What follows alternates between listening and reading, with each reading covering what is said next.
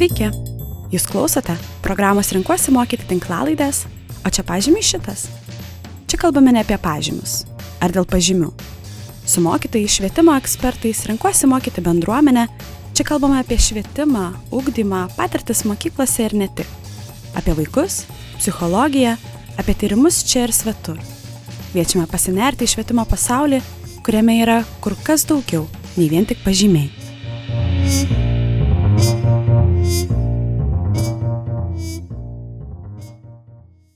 Sveiki, o čia pažymė šitas klausytojai. Šiandien girdėsite mane, Indrė Lebedytė Mečanienė, renkuosi mokyti 7 kartos alumnę ir Artur Markevič, 9 kartos alumną. Tai labas, Artur. Labas, Indrė. Tai mes šiandien kalbėsime apie labai įvairią ir ne visiškai patogią Artur patirtį, patirtį prisiliečiančią prie dalykų, kuriuos dažnas nori apeiti, nepastebėti, pastebėjęs greitai pamiršta. Bet apie tai šiek tiek vėliau, laidai šiek tiek tokia mini intrigėlė. O pirmiausiai norėčiau paminėti, kad e, Artur rudenį tapo Meilės Lukšienės premijos laureatu bei LRT metų apdovanojimuose tu pelnėjai metų ateities vardą. Tai labai sveikinu ir iš karto norėčiau paklausti, ką tau pačiam tai reiškia. Ir, ir ar tai kažką pakeitė tavo kasdieniai veikloj šie apdovanojimai, ar tai keičia tavo e, ateities planus?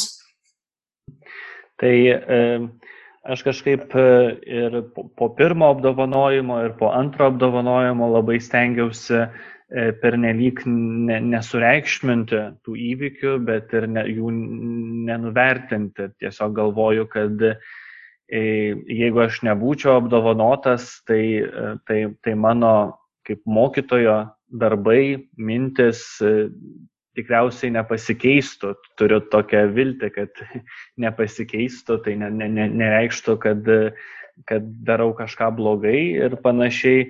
Ir to apdovanojimo gavimas. E, irgi norėčiau, kad jis kažkaip e, nepakeistų e, mano, mano įsitikinimų ir mano, mano kaip mokytojo kelio.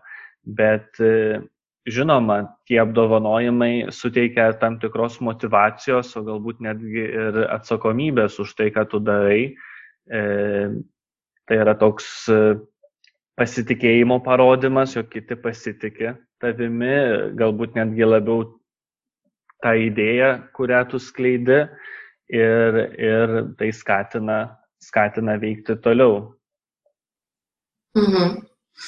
Tai iš tiesų labai džiugu, kad mūsų bendruomenės nariai yra pastebimi ir labai įkvepiat iš tiesų tie žmonės, kurie štai esate vertinti, kad esam tokioje bendruomeniai, kuri daro darbus tikrai svarbius visuomeniai. Ir, ir, ir, ir tikiuosi, kad tie apdovanojimai tikrai tik paskatins ir toliau judėti prieki ir smagu, smagu tai žinot. Tai dabar pereikime prie tavo ne visiškai tos eilinės patirties, kaip aš minėjau jau pradžioje.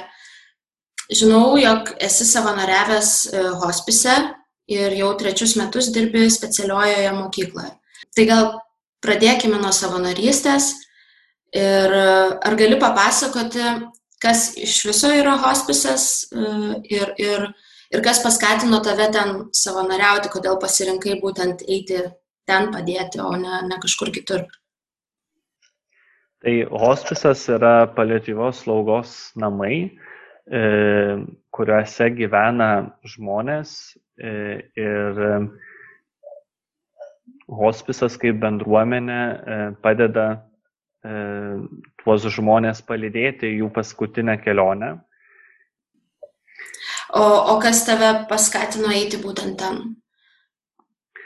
Tai e, kažkai dar buvau studentas, e, studijavau e, Vilniaus universitete, tada e, su savo draugais mes susitikdavome bažnyčioje skaityti E, šventąjį raštą, taip kažkaip kurdavom savo draugystę ir, ir e, tikėjimą.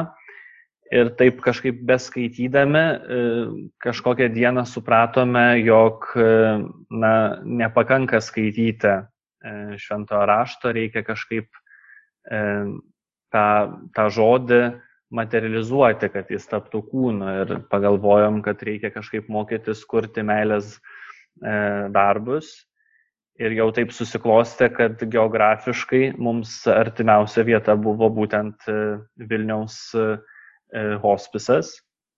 Ir tada paskambinau ten į, į, į tuos namus ir sakau, nu va, yra tokia grupelė, kuri norėtų kažkaip padėti, kaip mums pasiruošti, kaip mes čia galėtume prisi, prisijungti.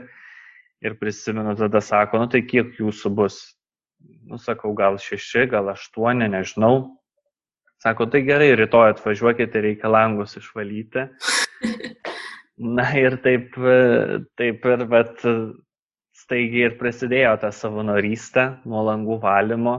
Tai man tai netgi tapo tam tikra metafora, ta, labai toks simbolinis dalykas, nes langas yra, nu kaip toks perspektyvos, daly, e, perspektyvos ženklas, kur, kur tu pamatai pasaulį ir, ir mes e, e, valydami tuos langus galėt, galėjome po truputį irgi pažinti pasaulį, kurio kartais kiti, nuo kurio kartais kiti nori pabėgti arba nenori jo matyti. Ir irgi tai, ką prisimenu iki šiol iš savo savanorystės jau po to, nes E, kaip sakiau, mes iš pradžių nuvažiavom taip ten kaip grupelė, bet žinoma, e, po to kiekvienas e, surado savo skirtingą vietą savanorystėj, savanoriavimui. Bet aš likau hospise su dar porą draugų ir, ir prisimenu, kad tas lango simbolis buvo labai artimas ir kartais tiesiog ateini pas ligonį ir e, jis prašo, kad papasako, kas dedasi už lango. E, ir e, tu tampi, tu kaip savanoris, kaip žmogus tampi kitam žmogui tuo, tuo tą perspektyvą arba tuo žiūrėjimu kažkur, ko tu dar negali pamatyti, bet ir tie kiti žmonės, su kuriais tu kalbė apie gyvenimą, apie, apie kasdienybę, apie tai, kaip jų diagnozė, lyga pakeitė jų požiūrį į gyvenimą, jie irgi ta, ta, tau tampa langu e, į, į kažkur giliau. Tai, tai ta, tas savanorystė kaip langų valymas ir langų atidarimas buvo man labai svarbus. Ir o tai buvo tavo tokia pirmoji patirtis, e, susidūrimas toks tiesioginis su, su galbūt kasdienoje esančia mm, mirtimi? Taip, tai buvo e, mano, mano pirmas toks santykis su, su mirties artumumu e, ir e, tai irgi formavo mano požiūrį į tai, kad mirtis yra gyvenimo dalis, kad tai nėra kažkas svetima mums ir kad verta apie tai E, kartais susimastyti, kad tai, tai, tai nėra baisus dalykas, bet yra dalykas, kuris e, iš tikrųjų e, tam tikrus dalykus sutvarko mūsų, pasau, mūsų pasaulyje, mūsų gyvenime, sustato į savo vietas ir tas prisiminimas, jog tu esi mirtingas, jog visi esame mirtingi, kartais, na, tiesiog, nu, parodo, kas yra svarbu gyvenime, o į ką geriau mažiau kreipti dėmesio, nes, na, man atrodo, mes šiuo laikinime pasaulyje, e,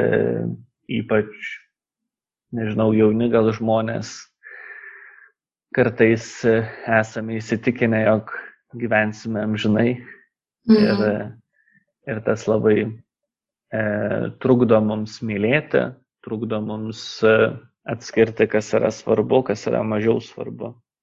Mhm. Bet aš taip galvoju, mm, kiek vat girdžiu iš aplinkos, e, aplinkoje esančių žmonių, labai dažnas sako apie tas vietas, kur vat būtent yra susitinkama su skausmu, su netektimis, nelaimėmis.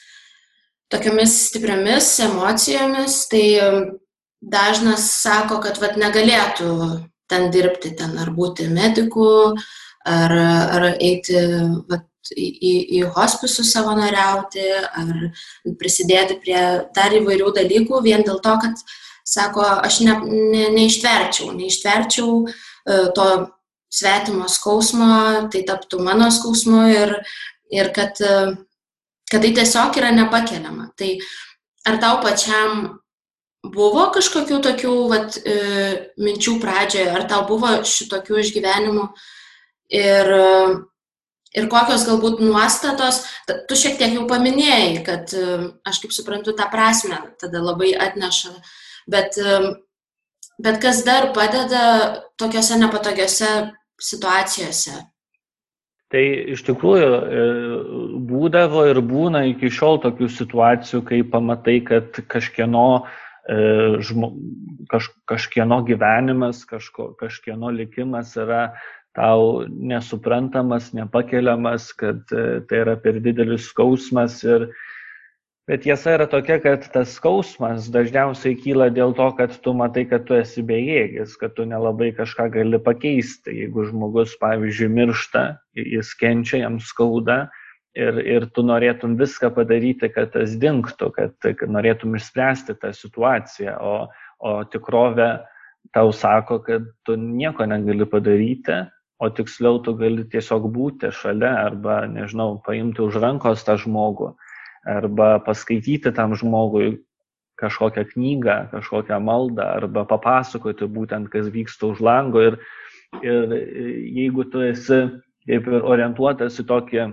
rezultato gavimą, tai gali išeiti po tokio susitikimo su, su kenčiančiu žmogumi arba su vaiku, kuris turi negalę, gali išeiti po tokio susitikimo ir pagalvoti, čia jokio rezultato, jokio efekto, neapsimokėjo investuoti tai laiką ir aš esu neefektyvus arba aš esu, na kaip, nereikalingas čia buvau, bet e, iš tikrųjų e, kartais tokiuose situacijose būtent tas buvimas, e, tas buvimas šalia, parodimas dėmesio yra žymiai labiau vertingesnis negu, negu situacijos išsprendimas. Tai, tai, ko, tai, ko e, turėjau išmokti, tai, tai suprasti, jog kartais ne, ne viską pavyk, pavyks pamatuoti e, kaip kažkokį pelną.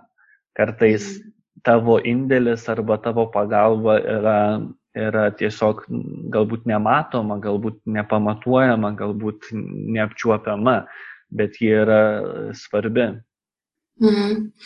Tai, žinai, jeigu ir nebūsi tose situacijose, atrodo, tai jos niekur nedingsta. Tai aš kartais ir savyje matau tą tai aišku norą galbūt nepamatyti to ir skausmo, bet kita vertus dažnai pagalvoju apie tai, kad jeigu aš nepamatysiu, tai jis vis tiek yra, jis egzistuoja ir ta, ta realybė yra tokia. Ir, ir dar gal iš savo tokios patirties, kai dirbau mokykloje, man irgi teko susidurti su vaikų situacijomis, kurios mane labai nustebino ir, Ir aš neįsivaizdavau, kad gali būti tokie likimai, kaip sakai, kad žmonės nešasi tokius, tokius išgyvenimus ir tokius likimus, kurie tikrai labai labai skaudina, bet kartu ir tose situacijose aš supratau, kad, kad taip yra ir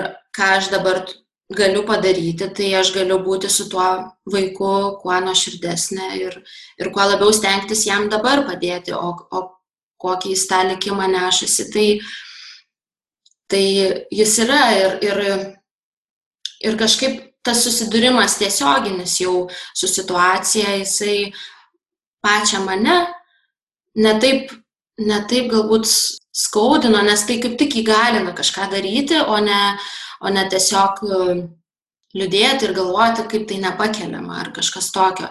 Net vienu metu galvojau, kad čia gal įsijungia tokie apsaugos mechanizmai kažkokie, e, kad e, tiesiog tai, kas yra neįmanoma pakeisti, tai, tai nebe, nebetampa kažkokiu ir trukdžiu tau veikti.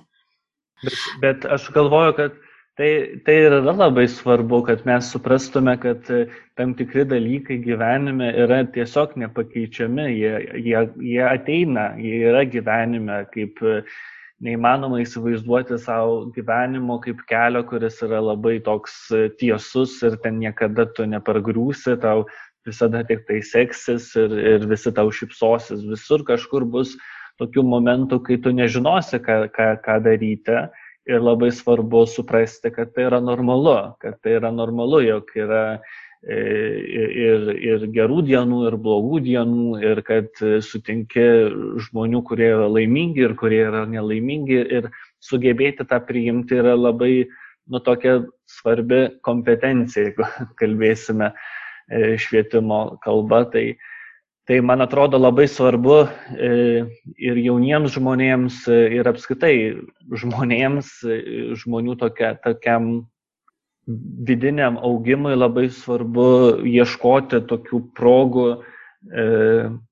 pamatyti save ir kitą skirtingose situacijose. Tai aš manau, kad savanorystė čia yra labai, labai toks įgalinantis dalykas, labai e, praturtinantis žmogaus gyvenimą. Ir, ir norėtųsi, kad e, kuo daugiau, pavyzdžiui, ir, ir mokinių mokyklose žinotų apie savanorystės galimybės, norėtų į tai investuoti savo laiką, nes vėl dažnai mes, kai kalbam apie mokinių ugdymą, kalbame apie jų tokį laiko investavimą į kažkokį rezultatą. Tuo tarpu nu, iš savanorystės tu net neši jokių pažymių, tu net neši pinigų ir gali atrodyti, kad, nu, kas iš to, kokia iš to nauda. Geriau leisti laiką per burelį kažkokiame mokamame. Ta savanorystė ir, ir, ir proga susitikti su žmogumi, kurio tu šiaip savo kasdienybę negali sutikti, tai yra dalykas, kuris praturtina tavo ir mintį, ir vidų, ir, ir tokį žiūrėjimą į pasaulį, požiūrį į pasaulį. Mm, tai, bet yra džiugi tendencija, kad dabar tikrai daugėja savanorių ir kad net ir tos didelės įmonės įsitraukia į tai ir savo darbuotojus labai skatina. Tai ne vienas mano irgi draugas ar pažįstamas yra pradėjęs savanoriauti. Tai, tai vat, džiugu, kad, kad dabar tai po, populiarėja, tas žodis nežinau ar visiškai tinkamas, bet, mm, bet tikėtina, kad kad mes einam link to, kad mūsų patirtis būtų vertinama ne tik rezultatais, kokius rezultatus tai gali galiausiai atnešti.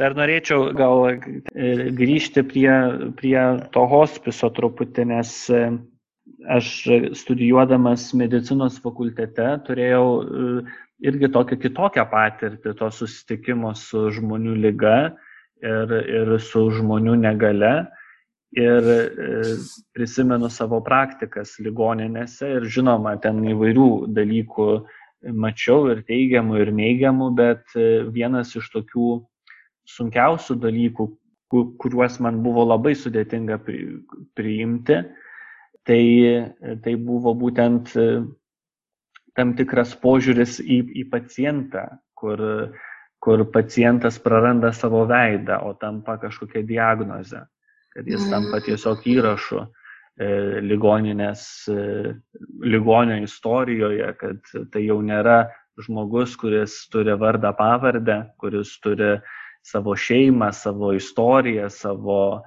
e, savo charakterį, bet tai yra tiesiog, nežinau, inkstų nepanka, nepakankamumas arba e, kepenų cirozė ir taip toliau. Ir kai bendraujama apie tą ligonį, tarytum jo čia kartu nebūtų. Tai, tai tas, tą aš prisimenu iš savo studijų e, kaip tokį dalyką, kurio labai norėčiau vengti savo gyvenime. Ir, ir galbūt irgi tas susitikimas e, su hospiso bendruomenė, kaip pamačiau, kad įmanoma rūpintis žmogumi, kuris iš esmės ekonomiškai yra nieko vertas, nes jis viską praranda, e, nes jis yra jau praeinanti istorija, kad galima į tą žmogų žiūrėti su, su didžiausia pagarba, galima išklausyti jo, jo norą, valią, e, netgi jeigu kartais tas noras yra atrodytų kvailas ir nereikalingas, ta, ta, tas ta, toks žiūrėjimas į žmogų ir matymas jo veido, suvokimas, jog mums dažnai sako, man atrodo, dabar rinkoje yra toks populiarus kalbėjimas, kad, kad nėra nepakeičiamų žmonių. Taip, mhm. jeigu ne tu, tai bus, bus kitas, bet jeigu mes taip labai e, giliai širdyje savo užduotume šitą klausimą, tai tikriausiai kiekvienas iš mūsų atsakytų, kad, kad tai yra netiesa, nes neįmanoma vieno žmogaus pakeisti kitu. Ir tas suvokimas, kad kiekvienas yra unikalus, kad kiekvienas yra e, kitoks, tai, tai skatina prisimti atsakomybę ir, ir už save, ir už kitus, ir už kitą. Tai, tai man atrodo, tai yra prasmingiausia, ieškant e, ir kuriant santykius su kitais.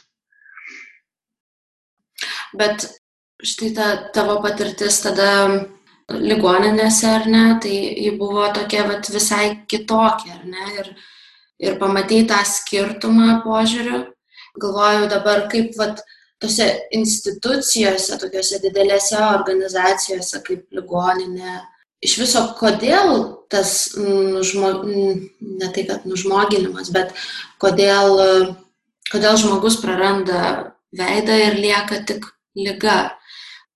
Ar būtent pati ta struktūra biurokratinė ir panašiai tai lemia, ar, ar tie žmonės, kurie ten ateina, vat, kaip įdomu susiformuoja, kodėl hospise tu matei visai kitą bendravimo tą kultūrą su žmogumi, o ligoninėje tą tokią paviršinę labai. Mhm. Tai aš galvoju, kad e, tokia situacija e, yra nulemta labai skirtingų veiksnių ir labai skirtingų e, aspektų paveikia tai, kad taip atsitinka, kad skirtingose situacijose žmogus praranda savo veidą, bet e, viskas priklauso, man atrodo, nuo tokio vidinio įsitikinimo, nuo tavo pasirinkimo. Viskas priklauso nuo to, ką tu labiausiai vertini. Ar tu vertini rezultatą, ar procesą, ar tu vertini e, įvykdytą užduotį, ar visgi vertini santykį, kurį tu užmesgi su žmogumi. Tas yra labai svarbu. Aš dabar prisiminiau e, knygą Žmogus ieško prasmės e, Viktoro Franklio ir jis ten aprašinėja labai sunkę patirtį apie tai, kaip jis gyveno koncentracijos stovykloje. Ir jis ten savo pamastymuose sako apie tai, kad na, tam tikros tokiuose su, sudėtingose e, sąlygose, sudėtingose sąlygose e, žmonės sugeba elgtis e, kaip herojai, sugeba elgtis labai didvyriškai, sugeba, pavyzdžiui, atiduoti duonos kasnį kitam, nors patys miršta iš bado, sugeba paguosti kitą. Mhm. Sako, ką tai, ką tai pasako apie žmogų, kad iš žmogaus galima atimti viską, išskyrus jo laisvę pasirinkti savo kelią, tai yra pasirinkti, kuo jis nori būti. Tai, tai čia ir apie žmogų, ir apie visuomenę yra kalba, ką mes orientuojamės. Dabar tu žinai, kad mes dabar Lietuvoje kalbame apie įtraukų į ugdymą, apie tai, kad turėtume integruoti, kurti bendrą ugdymą, kuris yra skirtas kiekvienam vaikui, nesvarbu, E, ar jis yra gabus ar negabus, ar jis yra, ar turi sutrikimą, ar neturi sutrikimą. Ir matome irgi labai daug tokio susipriešinimo, pasipriešinimo, galvojimo, kad ar tikrai mums to reikia, ar, ar, ar tai bus iš to naudos, o kam, o kam tie vaikai e, tose bendrose mokyklose, juk jiems kažkur kitur yra gerai. Tai toks dažniausiai visą tai atsakymas, man atrodo, slypi vertybėse ir, ir tame, ką mes iš tikrųjų vertinam savo gyvenime. Mm. Tas, kuris e, žiūri į ligonio kepenis, jam svarbiausia yra, kad tos kepenis pasveiktų ir jis tada yra laimingas. Jam nėra svarbu, e, ką veiks tas ligonis išėjęs iš ligoninę. Tuo tarpu mm. gydytojas, kuriam yra svarbus tas pacientas, jo, jo visas gyvenimas. Nežinau, galbūt tai yra toks idealistinis mąstymas, bet, bet jis tam tikrą kryptę mūsų santykių, kuriuos mes kūrėme kasdien, irgi nusako. Mhm. Bet, žinai, aš galvoju, kad būtent e, tas vertybinis pagrindas ir tai, kas yra mums vertinga, tai taip, tai ateina ir iš šeimos, ir iš švietimo sistemos. Tai atrodo, kad e, tikrai jeigu švietimiečiai ir politikai, kurie kuria švietimo kryptis, jeigu mes susitartume, kasgi yra vertinga mums kaip visuomeniai ir, ir taip kryptingai dirbti link to, tai, tai tada galbūt ir tose ligoninėse ir, ir kitose įstaigose mes tikrai matytume daug daugiau žmonių, o ne, o ne kažkokių išrašų ar faktų. Tai smagu, kad esam ir mes švietimo dalis ir kad bent po truputį, po truputį galim savo veiksmai, savo pavyzdžių keisti ir kito galbūt jauno dar žmogaus vertybinį pamatą į, į tokį, kuris, kuris labiau pamatytų šalia esantį ir, ir koncentruotųsi ne tik į rezultatus kažkokius. Bet e, pereikim dabar prie tavo dabartinės patirties. Tai tu dirbi specialiojoje mokykloje e, ir norėjau paklausti, kaip tu patekai ten mokyti ir ar iki to laiko tikslingai kažkaip judėjai link to, ar buvai susidūrę su, su mokiniais turinčiais specialių ugdymosi poreikių ir, ir to domėjai. Pirmiausia, pas, reikėtų pasakyti, kad nebuvau prieš tai susidūręs su, su vaikais ir apskritai su žmonėmis, kurie turi kažkokią e,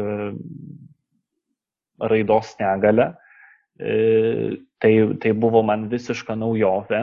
O e, dirbti specialioje mokykloje man pasiūlė e, per atranką, renkuosi mokyti komandą ir turėjau laiko pagalvoti, ar, ar tikrai noriu, ar galiu. Bet pagrindinis klausimas, kurį aš savo uždaviau tuo, tų svarstymų metu, tai buvo, kodėlgi ne. Uh, atėjau ir renkuosi mokyti, nes mane labiausiai sužavėjo uh, vizija, kad kiekvienas vaikas patirtų mokymosi sėkmę ir jeigu kiekvienas reiškia kiekvienas. Ir galbūt toks, nežinau, mano vidinis įsitikinimas, jog kiekvienas žmogus yra unikalus, kiekvienas žmogus yra kažkuo ypatingas, paskatino mane pabandyti ateiti pas vaikus, kuriems, kurių poreikiai yra truputį kitokie negu daugumos vaikų, nors iš tikrųjų poreikiai yra labai panašus. Tai toks vidinis įsitikinimas apie, apie tai, kad kiekvienas vaikas, kiekvienas žmogus yra vertas dėmesio, neleido man tiesiog pasakyti, kad ne, čia man, čia man netiks šita vieta. O tai atmeni, kad, kad iš tikrųjų nėra taip ir skirtinga tenai, kas pradžioje galbūt gali ir atrodyti, bet uh, kokie visgi yra pagrindiniai tie skirtumai tiesiog tarp uh, eilinės mokyklos ir specialiosios mokyklos. Turiu omenyje pačią darbo specifiką, organizaciją visą. Tai, e, tai toks kaip ir pagrindinis galbūt e, skirtumas ir iššūkis yra tas, kad e, mūsų mokykloje visi vaikai e, mokosi pagal individualizuotą ugdymo programą. Tai kitaip sakant, nėra kažkokio bendro plano visiems vaikams klasėje, yra, e, ugdymas yra pritaikomas pagal tų vaikų galimybės, o klasėse vaikai yra labai skirtingi.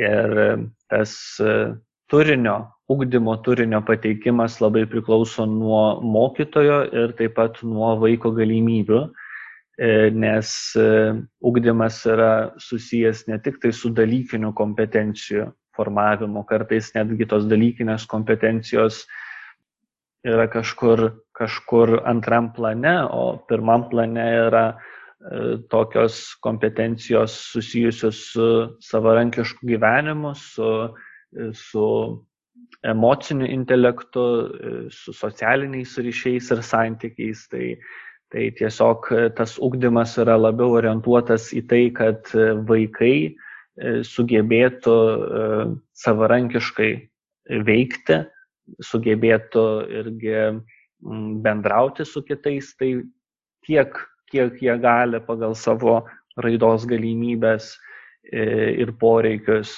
Ir tas ugdymas yra orientuotas į tai, kad visgi na, vaikas jaustųsi įgalintas, kad jaustųsi, kad kažką gali nuveikti, nes kartais gali atrodyti, kad vaikas, kuris turi kažkokią rimtą, kažkokį rimtą raidos sutrikimą, kad jam nereikia bendravimo arba jam neįdomu yra matematika, neįdomu skaitimas ir taip toliau, bet kai e, susipažįsti su tuo vaiku, kai, kai bandai jį pažinti, bandai su juo bendrauti, tai pamatai, kad dažnai įvairūs e, elgesio sunkumai arba įvairūs apskaitai iššūkiai, kurie yra susijęs su tuo vaiku, būtent ir yra susijęs su tuo, kad jo tie poreikiai, tokie kokie yra pas mus, pas visus, yra nepatenkinti arba juos patenkinti yra labai sudėtinga. Ir tada yra to, tokia būtent atmetimo reakcija arba,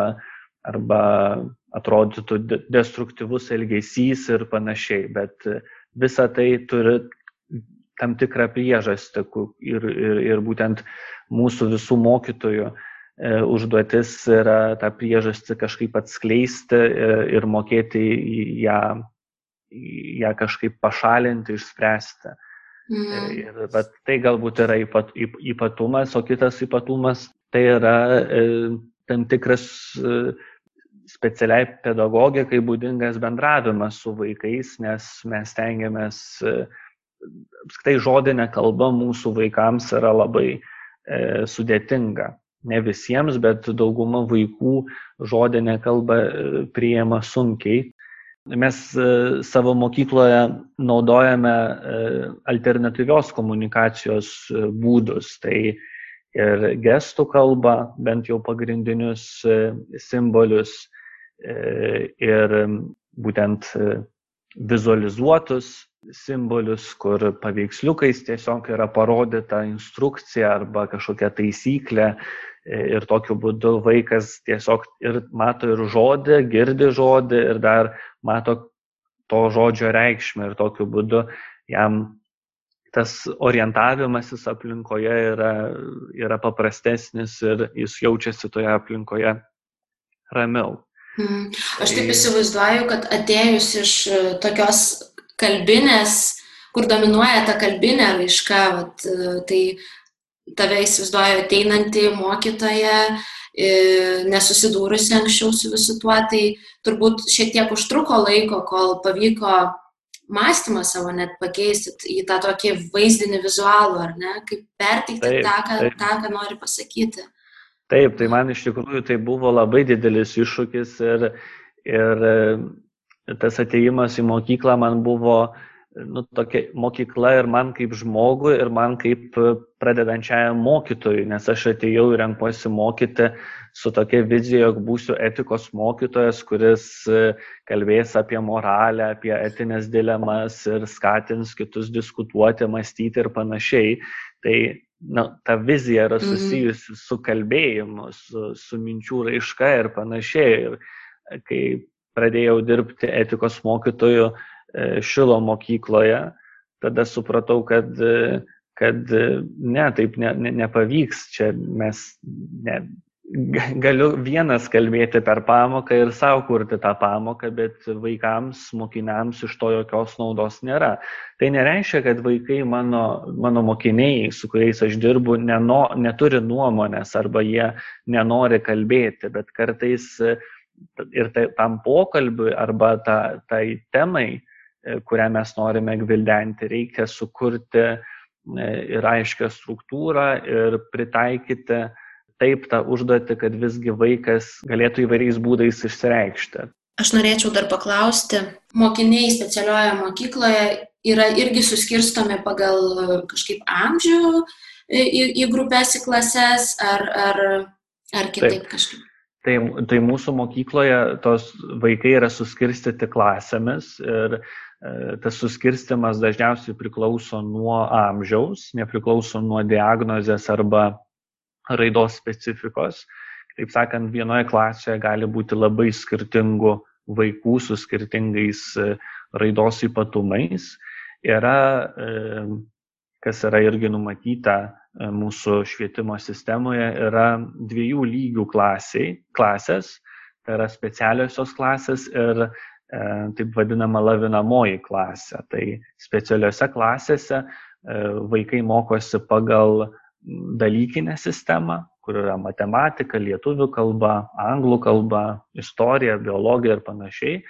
O lavinamosiose klasėse vaikai mokosi pagal tam tikras sritis veiklas. Tai ten jau nėra dalykų, ten dažniausiai jie turi vieną ar du mokytojus ir su jais dirba. Tai yra jau tokie sudėtingesni atvejai. E, bet iš esmės taip yra dalykinė sistema ir aš mokykloje turiu etikos pamokas, tai mokau, sakykime, ir nuo, nuo, nuo pirmos klasės iki, iki vyriausių mūsų mokinių, o pas mus mokiniai yra iki 21 gyvenimo metų. Tai vadinamos socialinių įgūdžių klasės, kur, kur e, mokiniai mokosi tokio socialinio gyvenimo, e, savarankiškumo būtyje ir panašiai. O papildomai esu dar e, pradinės klasės vadovas, Tai ir su pradinukais dar turiu progą dirbti. Aha. Tai viename tavo interviu skaičiau, jog nesitikras, ar Lietuvoje reikėtų panaikinti specialiasias mokyklas ir gal gali praplėsti šią mintį, ką turiu omeny. E, aš esu įsitikinęs, kad e, visi mokiniai gali mokytis bendrai bendroje mokykloje ir kad ta integracija yra labai svarbi įtraukimas kiekvieno vaiko į bendrą ugdymą, į bendrą e, bendruomenę yra prioritetas, apie kurį turime mąstyti ir kurį turime planuoti. Ir labai džiaugiuosi, kad Lietuvoje pagaliau įvyko tas įstatymo pakeitimas ir diskusijose lūžis tam tikras, kur tiesiog bandoma svarstyti, ką čia pakeisti. Bet e, kodėl pasakiau, kad nesu tikras ir ar, ar reikėtų uždaryti e, specialiasias mokyklas, nes e, tas uždarimas reikštų tam tikrą prievartą, tam tikrą prievartą iškeldinimą ir, ir tų pačių mokinių kažkur į kitas įstaigas ir tų kitų įstaigų tokį priverstinį prieimimą. Ir, na, tikriausiai savaime aišku, kas atsitinka, kai, kai kažkas įvyksta per prievartą. Tai labai norėtųsi, kad e, mūsų švietime tas lūžis įvyktų ne per prievartą, bet labai organiškai, kur, kur tiesiog mokyklos e, ieškotų sprendimų, turėtų kažkokių pasiūlymų, idėjų, kaip galima būtų e, priimti skirtingus mokinius į savo mokyklas, į savo bendruomenės ir po truputį tos specialiosios mokyklos, e, izoliuoti centrai, izoliuoti nuo kitų, nuo mm. daugumos, po truputį tiesiog e, mažėtų ir galiausiai išnyktų. Taip, tai, tai nebūtų kažkokia nelaimė tiems centrams, manyčiau, bet e, toks visuomenės brendimas turi vykti palaipsniui. Tai gerai, jeigu tai prasidėtų dabar, kol, kol, kol dar įstatymas kažkaip to dalyko nereguliuoja priverstinai, bet netgi kai įsigalios įstatymas, norėtųsi, kad, kad mokyklos labai sąmoningai e, priimtų šitą iššūkį ir e, gebėtų tą iššūkį išspręsti savai. Nes, o, gal, aha. o gal tu turi kokį pasiūlymą, uh, nuo ko vat, turėtų tai prasidėti, ką kokybiškai reikėtų pakeisti e, mokyklose įprastinėse, kad jos būtų pasiruošusios priimti mokinius iš specialiųjų mokyklų. Na, žinai, tai mano pasiūlymas būtų labai toks e, elementarus ir galbūt e, nieko vertas, bet aš sakyčiau, kad mokyklos pokyčiai mokyklose turėtų prasidėti vertyb, vertybėse. vėl mhm. įsitikinimuose, požiūrėje, nes e, nė, nėra tokio vieno atsakymo, kaip reikėtų, pavyzdžiui, e, integruoti e, vaikus, kurie turi didelių specialių ugdymosi poreikių, kaip, kaip organizuoti ugdymą, kaip užtikrinti kokybišką mokyklą e, heterogeniniam grupėm. Nėra vieno atsakymo. Esmė ir, ir, ir slypi tame, kad kiekviena mokykla kaip bendruomenė, būtent kiekviena mokykla turi pagaliau suvokti save kaip bendruomenę, kuri turi ieškoti būtent tai bendruomeniai priimtinų sprendimų arba generuoti kažkokias idėjas, pabandymus, pasiūlymus. Ir tai, tai nėra kaip mes galime surašyti kažkokias metodikas, bet tos metodikos visiškai neveiks, jeigu e, kažkas turės neigiamą požiūrį į vaiką, kuris turi negalę arba turės e, atmetimo reakciją, kad mes nenorime keisti. Dabartinė stadija, e, kurioje mes esame ir, ir, ir, ir tas punktas įstatymo, kad, e, kad turėsime priimti visus vaikus į savo mokyklą, nepaisant jų ypatumų, tai irgi parodo, kad kad mums kaip mokyklai reikia keisti kažkokį formatą susikloščiusi viduje. Taip, tai yra, tik, man atrodo, tai yra, aš galvoju, kad mūsų mokyklos yra labai konservatyvios bendruomenės, kurios veikia tik tai pagal tam tikrą standartą, pagal tam tikrą nurodymą, e, jie turi šabloną ir nori viską, viską įdėti į tą šabloną, kas netinka, tas tiesiog yra atmetama. Tuo tarpu tas heter, heterogeniškumas, tas, tas įvairovės įnešimas į mokyklą e, gali paskatinti tas bendruomenės e, permastyti tai, kaip jie organizuoja pamokas, kaip jie organizuoja tvarkaraštę, kaip jie organizuoja apskaitai klasę. Ir, ir tos laisvės yra jau dabar labai daug mokyklose, tik tą laisvę niekas nenori pasinaudoti arba visi galvoja, kad tai yra per didelė rizika nes tai gali pakenkti e, tiems procesams, kurie yra užsivedę jau dabar ir, mhm. ir tas veikia, jiems atrodo, kad tas veikia. Ir žinoma, tai yra spaudimas ir iš vidaus, ir iš išorės, tai tokia beveik bomba, nes, nes dabar atsirastų kažkokia mokykla savivaldybė, kuri sako, kad mes čia pavyzdžiui atsisakome pamokos formato arba atsisakome netgi klasės formato, kad grupės galima persis, perskirstyti pagal dalykus, pagal susidomėjimus, pagal poreikį, kas ką, ką turėtų labiau lavinti. Tai, tai yra tam tikra rizika, kad tai galbūt pakenks rezultatams tų mokinių mm. arba neparuoš šimtukininkų tais metais.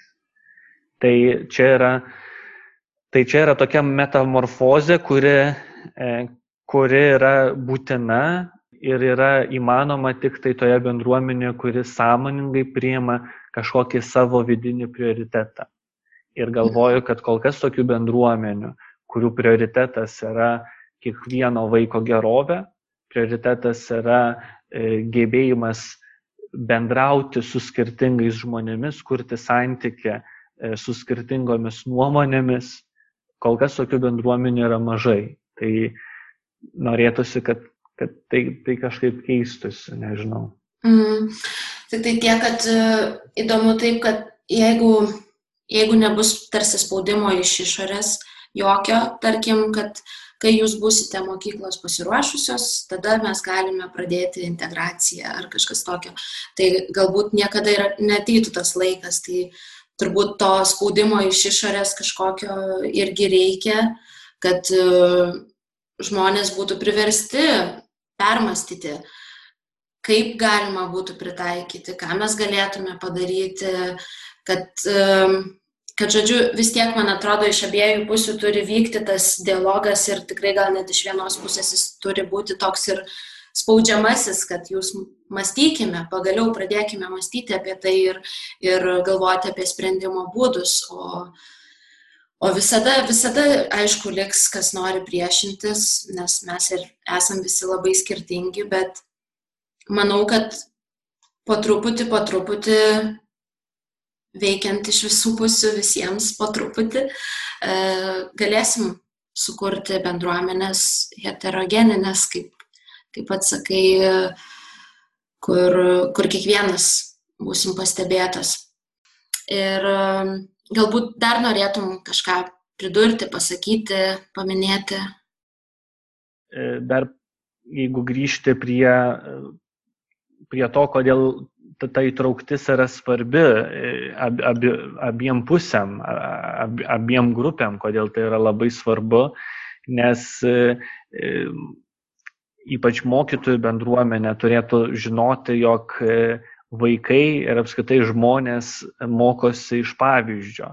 Taip, tai E, tai kokį pavyzdį mato išorėje, e, tai, e, tai po to tas elgesys, elgesyje ir atsispindi tai, ką, ką mato vaikai, ką mato kiti žmonės. Ir, ir kai, kai, kai kažkas auga, kai kažkas mokosi izoliuotoje grupėje, labai, labai tokioje homogeniškoje, labai tokioje um, panašioje, tai tada to žmogaus perspektyva yra labai siaura. Ir kalbant apie mokinius, kurie mokosi specialiuose mokyklose, tai jie dažnai tiesiog neturi pavyzdžio, neturi e, tinkamo pavyzdžio, kaip reikėtų elgtis, nes jie mato e, daug netinkamo elgesio arba daug e, kažkokių ribų. E, ir, ir tas ateimas į mišes grupės būtų naudingas tuo, kad daug dalykų tie vaikai išmoktų tiesiog vienas iš kito. Ir nežinau, toks labai elementarus pavyzdys, bet kaip mes labai džiaugiamės įstoję į Europos Sąjungą, kai supratom, kad galim keliauti, bet kur kalbėjom apie studentų ir mokinių mobilumą, kad kaip svarbu išvažiuoti kažkur kitur, Erasmusas, visa kita, pamatyti kitus. Tai, tai Tai tokius dalykus mes e, kaip ir vertinam, bet pamatyti, kad tas yra labai svarbu ir namuose, kur mes gyvename, pamatyti, e, kad mokykla turi būti tokia, kur tu gali vienas iš kito išmokti, pamatyti, praplėsti savo akiratį ir kad tą akiratį plečia labiausiai santykiai su kitu žmogumi. Nu, nu, tai, yra, tai yra dovana, kuri, nu kaip, guli dovana gatvėje ir niekas nenori jos išpakuoti. Nes tiesiog girdisi daug diskusijose tokio, o kam to reikia?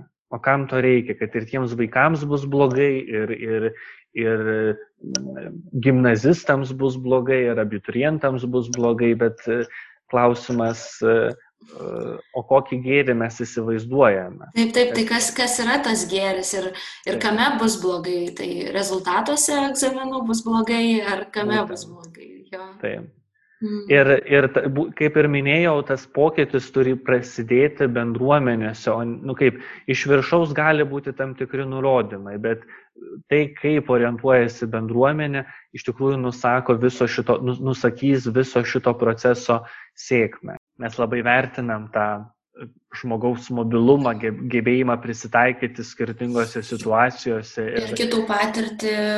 Taip, ir, ir, ir irgi kitų, pamatyti, pažinti kitų patirtį ir per tai irgi nu, tapti labiau turtingesniu savo vidumi.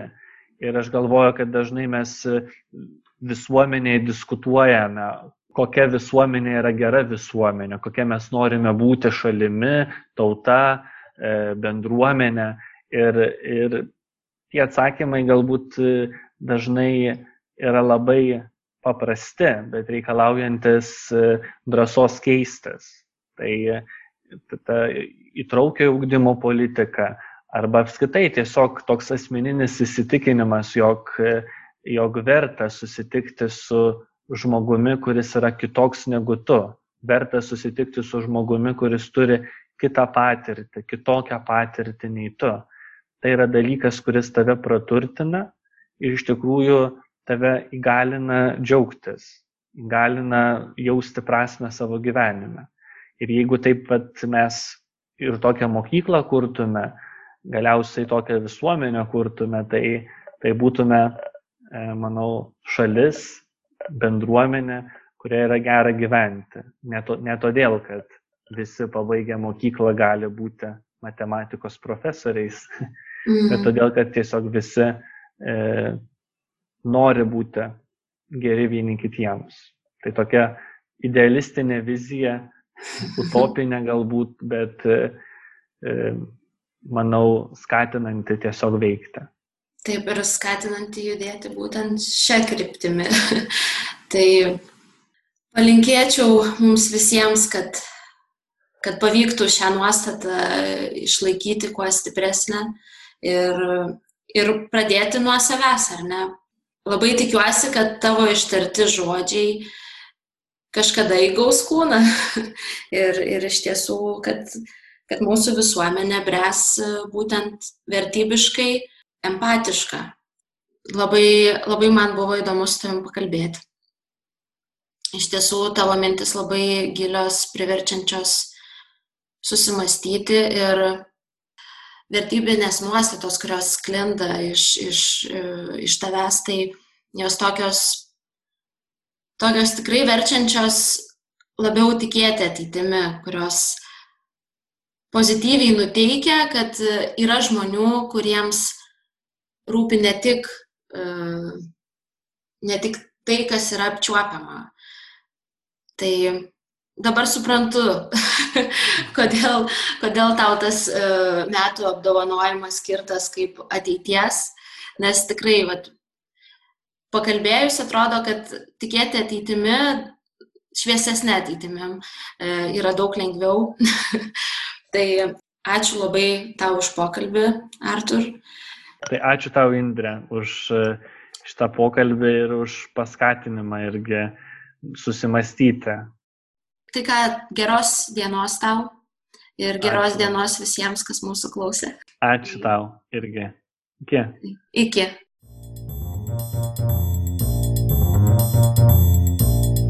Ačiū, kad klausėte. Tikimės, kad praleistas laikas kartu jums buvo naudingas ir įdomus. Norime tobulėti ir atrasti tai, kas aktualiausia jums, mūsų klausytojai. Jei turite pastebėjimų ar idėjų pokalbių temams, rašykite mums elektroniniu paštu info etarenkuosimokyti.lt. O mūsų naujas tinklalaidas pasirodys kas dvi savaitės ir jas galėsite rasti Spotify platformoje. Taip pat kviečiame susipažinti su programa Renkuosi mokyti ir pasiekti ją Facebook ir Instagram socialiniuose tinkluose. O kol kas Iki kitų susitikimų.